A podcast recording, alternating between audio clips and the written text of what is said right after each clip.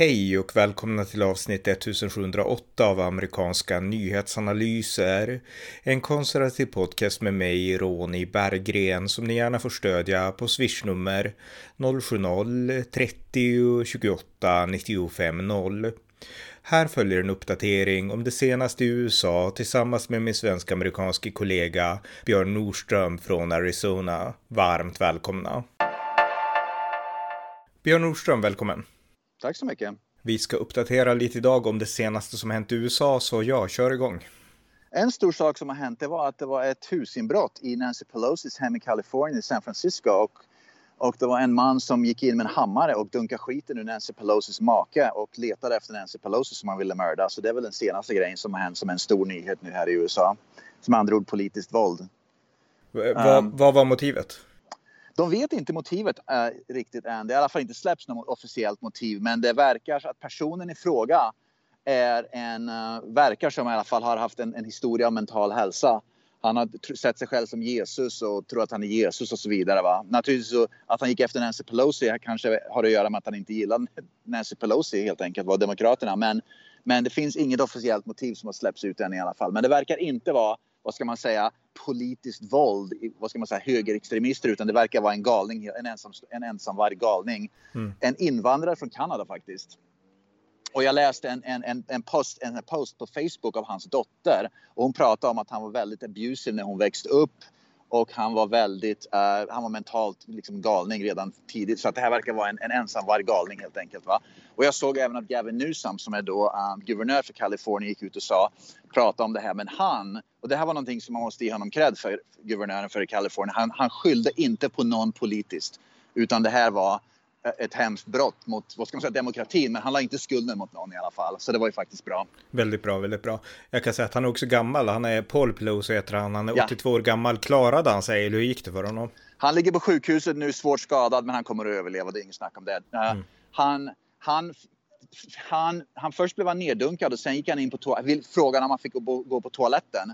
Så när han gick in på toaletten så ringde han uh, polisen. Men han kunde inte prata och förklara vad som hade hänt utan han pratade mer, vad ska man säga, i, i, i symbolik i princip. Och personen då som, som på SOS-centralen då, där han ringde, begrep att det var någonting som var fel. Så de åkte dit i alla fall. Så att eh, ja, det var... Det, han, han, han kommer att överleva. Ja, men, men den fråga som väcks ändå, du har inget svar på den frågan, men alltså Secret Service, man tycker Nancy Pelosi är ändå typ tredje personen efter, alltså, efter Kamala Harris, alltså att ta över om Joe Biden ja. skulle coola. Så jag menar, hon borde ju ha ganska mycket skydd även hemma och även när hon inte själv personligen är hemma, jag menar hennes familj och så tycker man. Jag, jag blev också, jag blev också väldigt förvånad. okay, hon var inte hemma så Secret Service var väl med henne. Men att någon lyckas ta sig in i hemmet. Nu har jag läst olika historier så jag vet inte vilken som stämmer. Vissa sa att det var en person som var inbjuden, vissa sa att, sa att, han, att han bröt sig in. Så det, fin det, det, finns olika historier om det där. Va? Min gissning är väl att det var någon som bröt sig in. Men det jag har svårt att förstå det är personen som är i tredje, liksom tredje, den tredje personen i vad ska man säga, rangordningen där i USA. Va? Mm. Hur deras hem, också en annan bild, hur deras hem i Kalifornien inte kan vara skyddat så att någon bara kan bryta sig in. Vad man tycker att det borde vara rejält skyddat med både murar och kameror och så vidare och så vidare och, och liksom skottsäkra fönster och allt sånt där. Så att jag är förvånad över att man kan bryta sig in i ett hem på det där viset. Så jag undrar om det finns någonting mer kring det hela som inte vi vet om helt enkelt. Va? Det låter för enkelt det här. Ja, ja. Eh, något annat? Ja, Elon Musk har ju tagit över Twitter nu officiellt. Så han är ju ägare av Twitter och han har ju börjat rensa rent ordentligt nu bland eh, executives. Han har ju sparkat massa executives med andra och ledarna.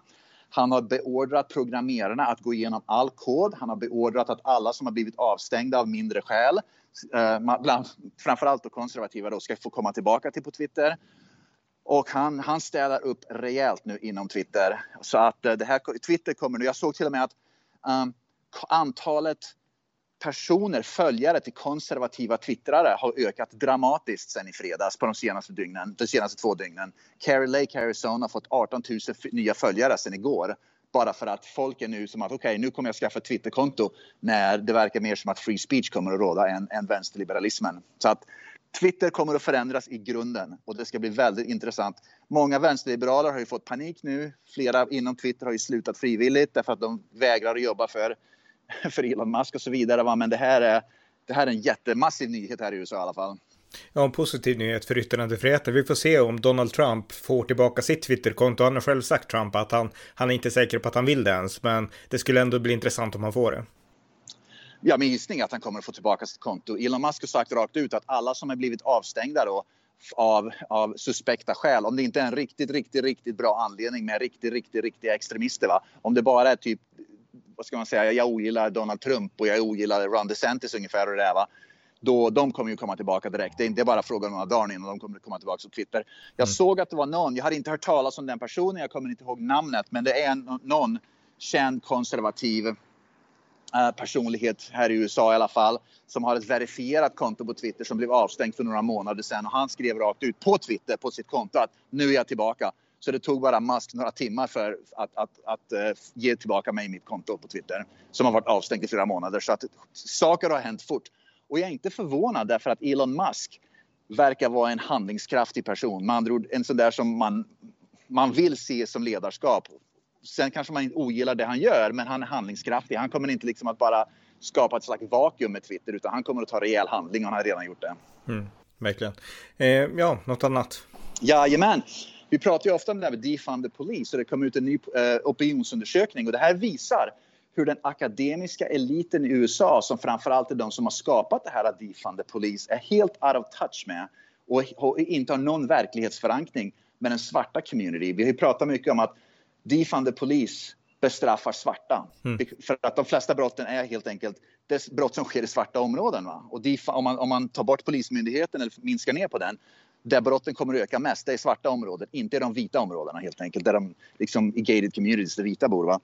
Så den nya opinionsundersökningen kom ut visar att ehm, um, 48 procent av svarta uh, vill att polisen ska vara uh, uh, funded på samma sätt som den är nu. Med andra ord, varken mer eller mindre.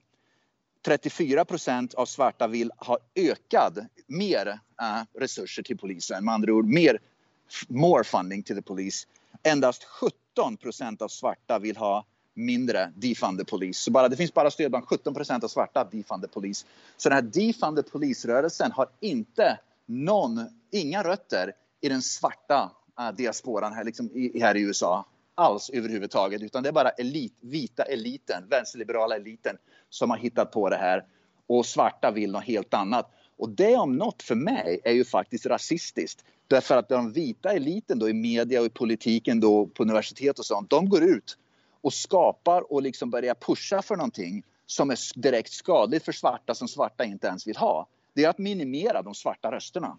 Mm. Liksom att man, man tystar ner de svarta helt enkelt. Det är fruktansvärt egentligen. Ja, men, men, men de här svarta rösterna som verkligen är för polisen och är emot defund polis, alltså de hörde man ju även under Black Lives Matter, för det var Fox News och det var andra som var ute och intervjuade och de sa att det här kommer att börja bli värre om polisen inte finns där, sa de. Jo visst gör de det, men grejen är ju den att Fox News är bara en kanal. Breitbart är bara en kanal. Mm. De vänsterliberala CNN, ABC, NBC, MSNBC och så vidare, New York Times, Washington Post, som är faktiskt stora majoriteten av amerikansk media. De, de, de, de svarta rösterna framkommer ju inte i, den mediekanal, i de mediekanalerna, utan det är bara i princip i, i kanske 25 procent av mediekanalerna som de svarta rösterna får framkomma. Och det är det som gör att att det blir en parentes eller ingenting av det hela. Därför att det liksom blir inte mainstream. Därför att de, de tystas helt enkelt av media. Mm. Eh, högsta domstolen, en annan nyhet, de kommer nu att höra argument gällande kvotering till colleges, alltså raskvotering. Och det här är någonting som svarta ikoner som Larry Elder har varit emot väldigt länge. Och nu kommer högsta domstolen att ta itu med den frågan. Jajamän. Um, och det här kommer att vara helt banbrytande därför att Harvard, vilket är då vad ska man säga, flaggskeppsuniversitetet, de, de har ju bokstavligen då olika standards, in, intagningskrav för svarta, för vita och för latinamerikaner och för asiater. Som andra ord, om du är asiat, då måste du ha betydligt högre betyg och högskoleprovsresultat för att ta dig in på Harvard. Om du är svart behöver du bara påvisa en hudfärg, liksom att du har viss pigment i, i huden ungefär. Bokstavligen så funkar det så. Va? Och då säger de att okej, okay, då kan du ha lägre betyg och lägre högskoleprovspoäng och ta dig in ändå. Va? Så att de rangordnar människor baserat på hudfärg faktiskt. Och det ska bli mycket intressant. Jag vet att, att HD hade gjort beslutat att University of Michigan fick inte göra sånt här och inte University of Texas heller. De har gjort så också. Så att men flaggskeppsstämningen det är ju då Harvard och det är framförallt, eh, inte framförallt, det är asiater som har stämt uh, Harvard. Det var flera år sedan de gjorde det för det tar ju ett tag att gå igenom alla domstolsinstanser. Men det var asiater som stämde, som stämde. För en grupp asiater kom fram till att de hade högre betyg, högre uh, högskolepoäng.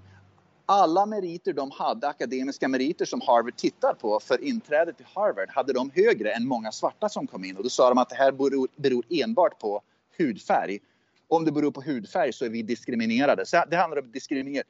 Kan man diskriminera asiater till förmån för svarta? Det är det frågan handlar om. Mm, just det. Mm. Min gissning är, jag vet att Clarence Thomas, den svarta HD-domaren, han har varit öppen, väldigt öppen med att det här är förkastligt att göra av Harvard av flera anledningar. Nummer ett, det är olagligt, det är diskrimination.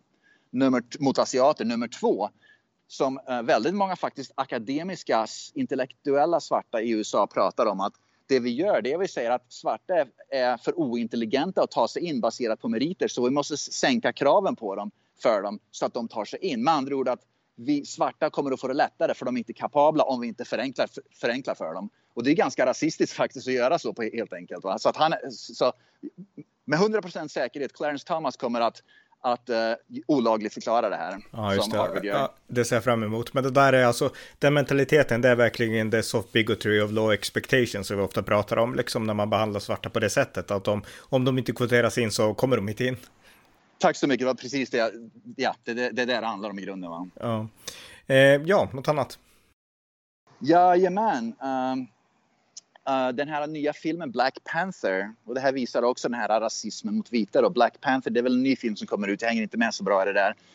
Men eh, originalskådespelaren, jag tror han gick bort för något år sedan, så jag vet inte om han är med så mycket. Men i alla fall, det är vissa då nu som hävdar att Black Panther, uh, att biografer ska upp, det är några, vad ska man säga, de här, de här rasideologiska människorna då på vänsterliberala kanten då uppmanar här i USA um, biografer att enbart släppa in svarta och förbjuda vita att gå och titta på den på, under första helgen. Därför att det här ska liksom bara få svarta ska få delta i, vita ska inte få se den första helgen. Va? Om inte det är diskriminering och rasism, då vet det tusan vad diskriminering och rasism är.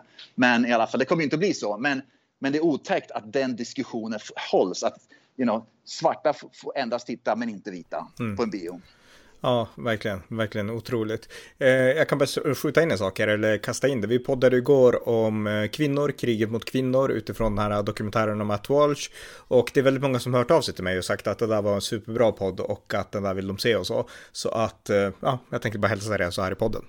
Ja, jättebra, jättebra. Det här, jag, folk kommer inte tro det här är sant, va? Uh, jag skickar dig två bilder alldeles efter vi, jag, var, jag, jag, gjorde den här podden under en picknick. Jag satt vid en, i en park i Scottsdale i Arizona. Jag gjorde den under en picknick, det var där. Alldeles när vi hängde upp samtalet och jag gick tillbaka till picknicken, då var det en person som hade kattkläder på sig och gick runt som en katt och människor gick och, som var med den personen gick och sa here's, a, det här, here's our kitty cat. Bokstavligen. Och jag stod där och tänkte, och jag, sen visade jag min fru och min dotter där och sa att är det här sant? Liksom att, är det här, jag liksom fattar inte vad som pågick, va? men ja, visst, det är så vi håller på alltså. Um, jag vet inte exakt vilka de personerna var, men, men det var liksom alldeles efter vi hängde upp det samtalet så fick jag se då att det är någon som identifierades som en kitty cat och hade, var uppklädd bokstavligen i kattkläder mm. och gick omkring på fyra liksom på, på händer och fötter då på, på, på marken och promenerade runt med dem jag höll på att svimma när jag såg det. Ja, exakt. Och det här, du skickade det direkt efter våran podd. Det var det ja. som var så intressant. Och grejen att... Under podden såg jag det inte, utan det var när jag gick tillbaka, för jag var på ett annat ställe då. Jag liksom gick iväg lite grann, för det var ganska högljutt där jag var, där liksom picknicken var. Men sen gick jag tillbaka, då såg jag det. Jag höll på att svimma. Så jag skickade bilderna, för jag tänkte att om jag bara säger det, då tror du att jag ljuger. ja, och på bilden som du skickade, jag menar, det, man såg ju, det var inte en fyraåring, utan det var kanske en 13-åring, 14-åring Precis, det var en, mm. jag, jag, gick och tittade och, och, och kollade på det, för att liksom gick runt där personligen bara titta och lyssna och liksom se om, det, om jag kunde få en uppfattning. Men det var, det var en tonåring, 13-14 år precis, som du nämnde då. Och det var ingen som, som nämnde någonting, att det var bara ett skämt eller någonting. Utan det var liksom, jag, var kanske, jag såg dem en halvtimme och sen gick de vidare till ett annat hörn. Men personen kröp omkring på fyra, klädd i kattkläder från topp till tå. Och ja, det var liksom så det var. Va? Jag, mm. ja, ja. Bisarrt allt, säger jag liksom, minst sagt. Ja, ja, ja. ja, vi fortsätter. Något mer? Ja, det var i uh, Portland, Oregon. Nej, ben, var det Bend, Oregon, Eugene, Oregon, Oregon i alla fall, delstaten. så var det några, det har blivit populärt här i USA, jag tror det är i Sverige med nu med, att det är massa drag queens som går in på bibliotek och de håller vad kallar barn, barns, barnstund, man läser böcker för barn. Det finns i Sverige också. Mm. Ja, precis, jag läste det också nyligen. Men i alla fall i Oregon i alla fall för ett par dagar sedan så var det protester utanför och folk som är emot det och för det, de rök ihop. Det blir massa våldsamheter i alla fall kring det där. Så att um, man, vi ser att, och vi har pratat om det förut, vi ser det här att, att våldet eskalerar kring sådana här saker nu därför att det, him, det splittrar landet så himla mycket. Mm. Och uh, jag, liksom, jag, jag, jag, tror att vi kommer att se mer och mer av det här våldet. Och jag såg att Bill Maher, uh, vi har pratat om honom ganska mycket, va? han är en, han är en, vad ska man, klassisk liberal som skjuter från höften åt båda hållen va? när han ser någonting. Så jag, jag diggar honom för att han kritiserar både demokrater och republikaner, men just nu kritiserar han demokrater väldigt mycket, även om han själv är demokrat. Mm. Och han pratade om det för bara ett par dagar sedan där han sa att det är inte så konstigt att, det att våldet ökar i samhället där vi ser kring det här woke, kring cancel culture, kring politiken, kring allting. Därför att om människor, och han sa rakt ut att det är demokraternas, vänsterliberalernas fel, om människor inte får kunna kritisera saker och ting genom öppen debatt och free speech, om de, om de blir nedtystade och cancelled, då finns det i princip inga andra utlopp än att ta till våld. Så om vi inte vill se mer våld, då måste vi sluta med cancel, vi måste sluta med att tysta människor istället, vi måste ta debatterna. Men det är det som inte de här uh, woke cancel culture, den här uh, Eh, genuskulturen och allt det där, de, de vill inte göra det, de vill bara tysta. Så det är inte så konstigt att våldet ökar när, när vi inte längre kan prata om saker och ting. Då tar, då tar folk till våld istället. Va? Och han har ju rätt.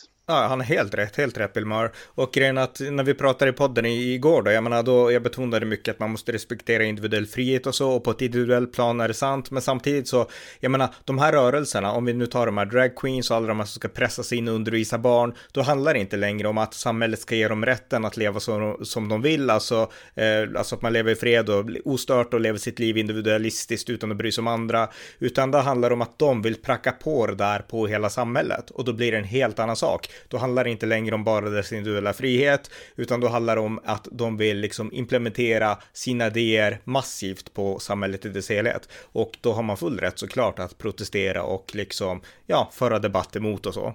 Att, uh... Och det är inte bara att de vill implementera sina idéer, de vill även tysta ner sina motståndare. Det är en mm. oerhört en intolerans vi ser. En sak är om du, vill in, om, om, du vill implementera dina idéer, men du samtidigt bjuder upp till öppen debatt. Vi ska debattera de här idéerna öppet och sen får vi se hur många som hoppar på det här baserat på en öppen debatt om idéer.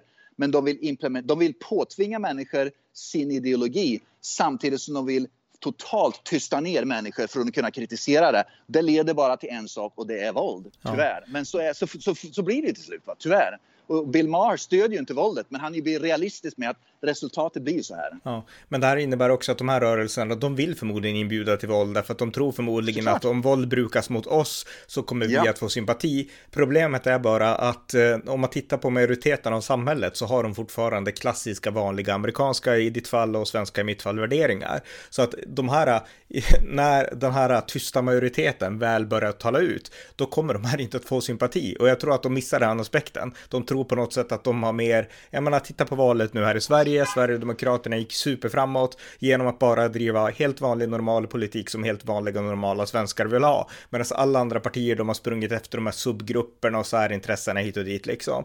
Och yep. eh, resultatet visar tydligt att majoriteten av svenskar de vill bara ha normal vanlig politik. Och det är likadant i USA. Majoriteten av amerikaner Inser de bara det, jag menar, då kommer de här särrörelserna snarare att agera väldigt, liksom, ur deras eget perspektiv kontraproduktivt, därför att det kommer bli en enorm backlash mot dem och de kan inte förstå det riktigt. Nej, absolut inte. För de här rörelserna i sig, det är ju vän, de, de, de grundas egentligen i extrema ideologier, extremvänster, mm. som själva, vi pratar ju om samma grupper som då som, som då begick Black det här våldet Matter. mot samhället. Mm. Black Lives Matter, AFA här i USA, mm. som begick det där våldet på gator och torg och brände upp halva Minneapolis vad det nu var för ett par år sedan. Va? Så, så de, det är ju våldsbenägna människor helt enkelt. Va? Och om, vilket jag tror, jag, skulle, jag, jag är rätt övertygad idag om att eh, representanthuset i USA kommer att vinnas, kommer att ha majoritet republikaner i november efter valet. Det är en, ett direkt resultat av att det är vanliga människor i tysthet som, vill, som inte vågar göra sin röst hörd för de vill inte bli cancelled. Men de gör sin röst hörd via valurnan, precis som i Sverige. Man vill ha en förändring. Och det är det förmodligen vi kommer att se. Uh, i, uh, och vi kommer att se det kanske eventuellt i Oregon i guvernörsvalet. Helt plötsligt är det kanske, kanske blir en, en och vi pratade om det förut, en, en republikansk guvernör där, en republikansk guvernör eventuellt i New York.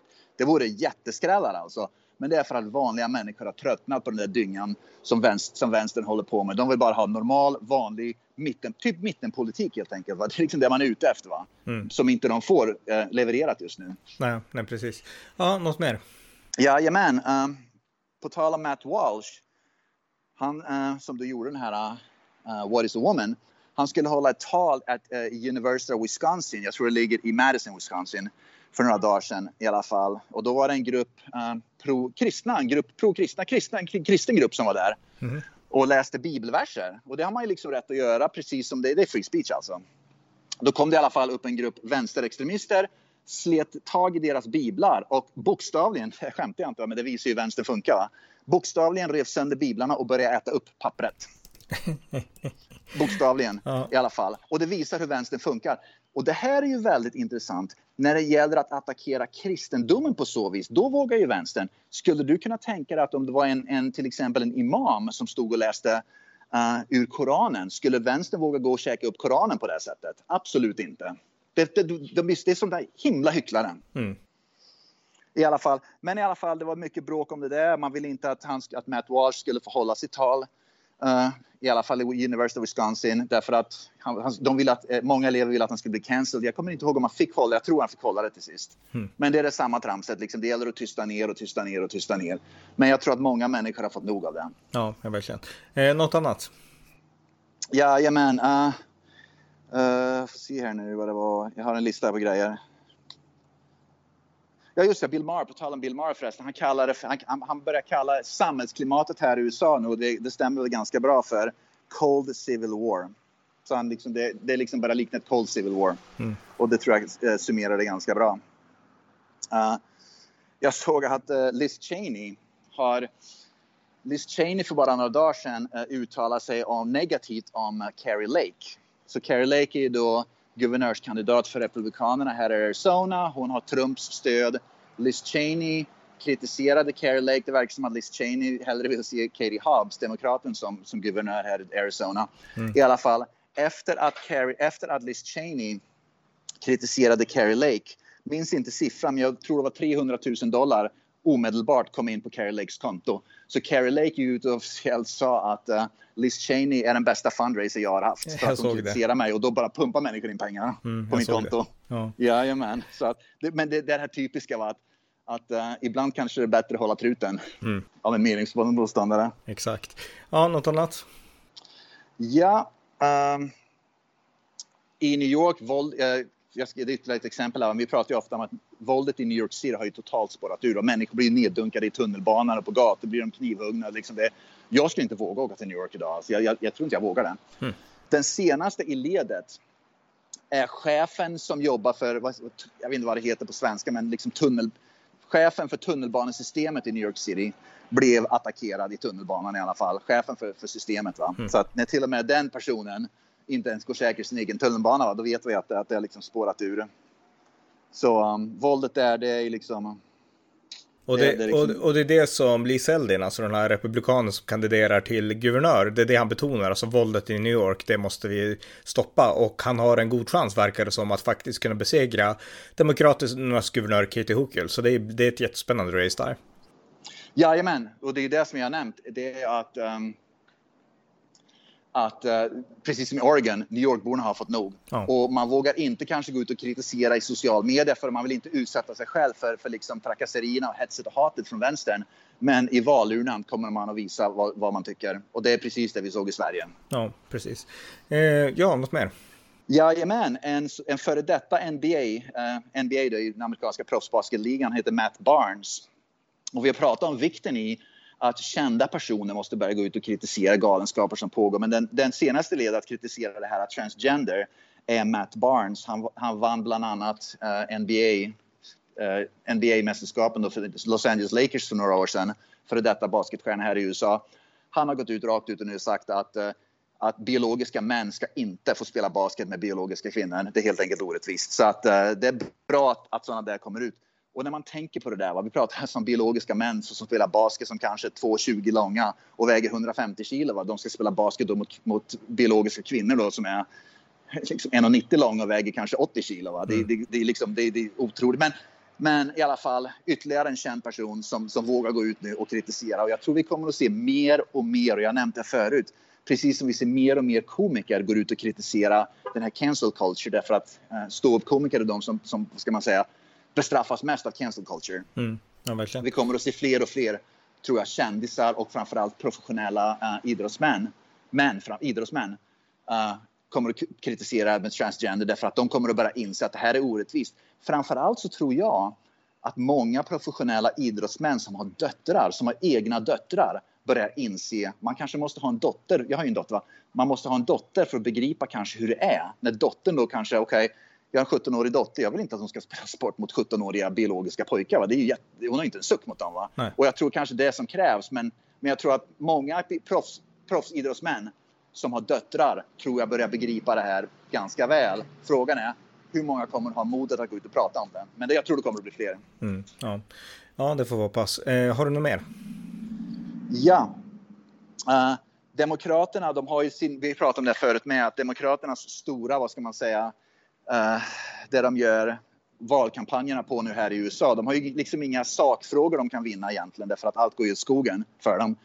Så deras stora grej det är ju att om Republikanerna vinner valet så kommer, precis som i Sverige som sossarna, då kommer demokratin gå åt skogen, vi kommer att bli fascister och allt det där, det där köret. Men jag såg en siffra, får se här, jag vet inte hur många det är, men i alla fall. Eh, framförallt unga kvinnor, men även amerikanska folket tror inte på den, liksom den, eh, vad ska man säga, skrämselpropagandan.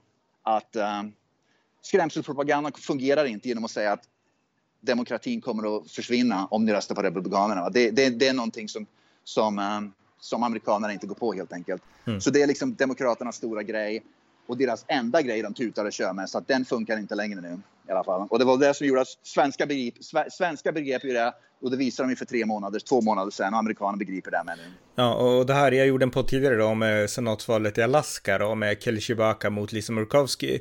Och eh, då fick de en fråga där vad, eh, ja, vad de tyckte om Donald Trump på 6 januari och Kelly Chewbacca sa då, ah, ja, ja, jag fördömer våldet och sådär, men jag har knackat dörr på tusentals liksom hem i Alaska och det är inte en enda person som har lyft den här frågan, utan de lyfter liksom andra frågor som handlar om bensin och värme och sånt, men ingen har sagt ett ord om 6 januari. och det är precis det som du och jag har pratat om podd efter podd. Va? Vanliga amerikaner, de har inte, man har inte tid och ork. Man har mycket viktigare saker att snacka om och liksom som måste lösas. Mat på bordet, uh, det är liksom housing crisis, det här, uh, vad heter det, um, interest rates, mm. bensinpriser, inflation. Det är så många. Man bryr sig inte om sådana saker. Det är som pratar om det här att, att uh, den här abortfrågan är inte ens en, en bil som åker förbi utomhus. Um, abortfrågan är um, är inte en av de fem viktigaste frågorna här i USA. Jag sa det hela tiden. Det kommer att vara vänster som drar igång det här drevet i media och sen kommer det att gå några veckor och sen kommer folk återgå till att oj då, jag har inte råd att tanka bilen, jag har inte råd att köpa mat, jag har inte råd att betala hyra längre, bla bla. Då är det det som är viktigt. Abortfrågan är inte viktig när man inte kan sätta mat på bordet. Nej, nej precis. Eh, har du något mer? Jajamän, kommer du ihåg Maya Flores? Hon som ah, då ja. vann. Mm, mm. Jajamän, eh, hon, hon vann ett demokratiskt distrikt i Texas under republikan hon är latinamerikansk uh, invandrare i alla mm. fall. Det finns något här i USA som heter um, uh, den här caucus, like, uh, Latino caucus. Med andra ord, svarta har ett eget, vad ska man säga, oavsett om du är demokrat eller om du är republikan, då liksom har alla som är, alltså alla som är svarta, de liksom har en egen grupp för sig själva. Alla som är latinamerikaner har, har en grupp för sig själva i kongressen och så vidare. Va? Med andra ord, man delar upp sig hudfärg. Mm. Intressant nog. Va? Men nu har i alla fall Maya Flores som är latinamerikan förbjudits att få delta i uh, Latino Caucus. Så hon är i alla fall cancelled från kongressens egna latinska grupp. Och jag vet inte om andra republikaner nu sätter sig emot det där vad gäller om det är andra latinamerikaner som vad de kan tänka göra. Ja, men det, det, det, är ju Demokraterna som styr den här gruppen, det vet jag också. Jajamän, att, mm, jajamän mm, precis. Så hon är i alla fall utsparkad. Det ska bli intressant om republikanerna vinner så blir det de som styr gruppen. Va? Men, men det visar ju det här cancel culture. Att mm. du, du är latinamerikanska men du duger endast om du är med i vårt parti. Va? Det liksom visar ju vilken, vilket förakt de har mot, mot demokratin egentligen. Att du är helt enkelt för fel parti, därför får du inte vara med. Mm. Verkligen, verkligen. Och det är det vi ser i Sverige har gjort med, med eh, Sverigedemokraterna. Ja, har du något annat? Um, Annars kan jag bara kasta in en fråga. Det är ju halloween nu, alltså hur firas ja, det? Firas det mycket? Oh ja, herregud. Uh, vi var, min familj och så några vänner var på, uh, i Scottsdale, det heter Talking Stick, en stor sån här resort som ligger i, i lyxresort, jättefin. Mm. Vi var där igår kväll och då var det ett stort halloween-party och människor kom ju då med oerhörda uh, ut, utstyrslar, alltså helt otroligt. Vi, att, vi, vilken, det, ålder, vilken, vilken ålder slutar barn? Jag antar att alla barn håller på med halloween, liksom, förmodar jag i alla fall i USA. Det är vuxna Okej, okej. Okay, okay. Så det finns oh, ingen ja. ålder där man slutar liksom, utan... Nej, det, igår var det bara vuxna. Uh, förra veckan, för två veckor sedan var jag på, på ett halloween-party med både vuxna och barn och alla var utklädda. Jag var utklädd med. Så att, uh, det vad, var liksom du, vad var du då? Harry Potter. Okej, okay, okej. Okay. ja. Jajamän. Ja, kul, kul. Ja, eh, hade du något mer? Ja, en sista sak. Vi pratar ju om det här att, att, liksom att allt som, i princip allting är rasistiskt nu. Vi pratar ju om att Fettermans, John Fettermans då, uh, hans fru sa ju då att om man är simkunnig som är rasist ungefär va. Joe Biden sa för några dagar sedan att, uh, att uh, först, du vet, i flygplan så är de i första klass, liksom, mm. first class och, och, och coach och allt sånt där va.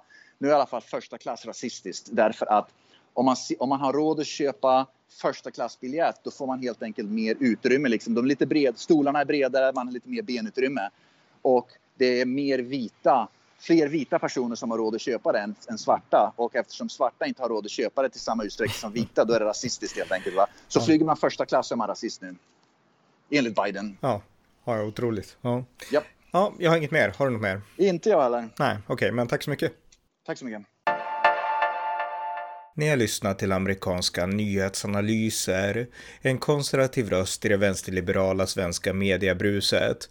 Podden kan stödjas på swishnummer 070-30 28 95 0 eller via hemsidan usapool.blogspot.com på Paypal, Patreon eller bankkonto. Skänk också gärna slant till valfri Ukraina-hjälp. Det var allt för den här gången. Tack för att ni har lyssnat. Thank you.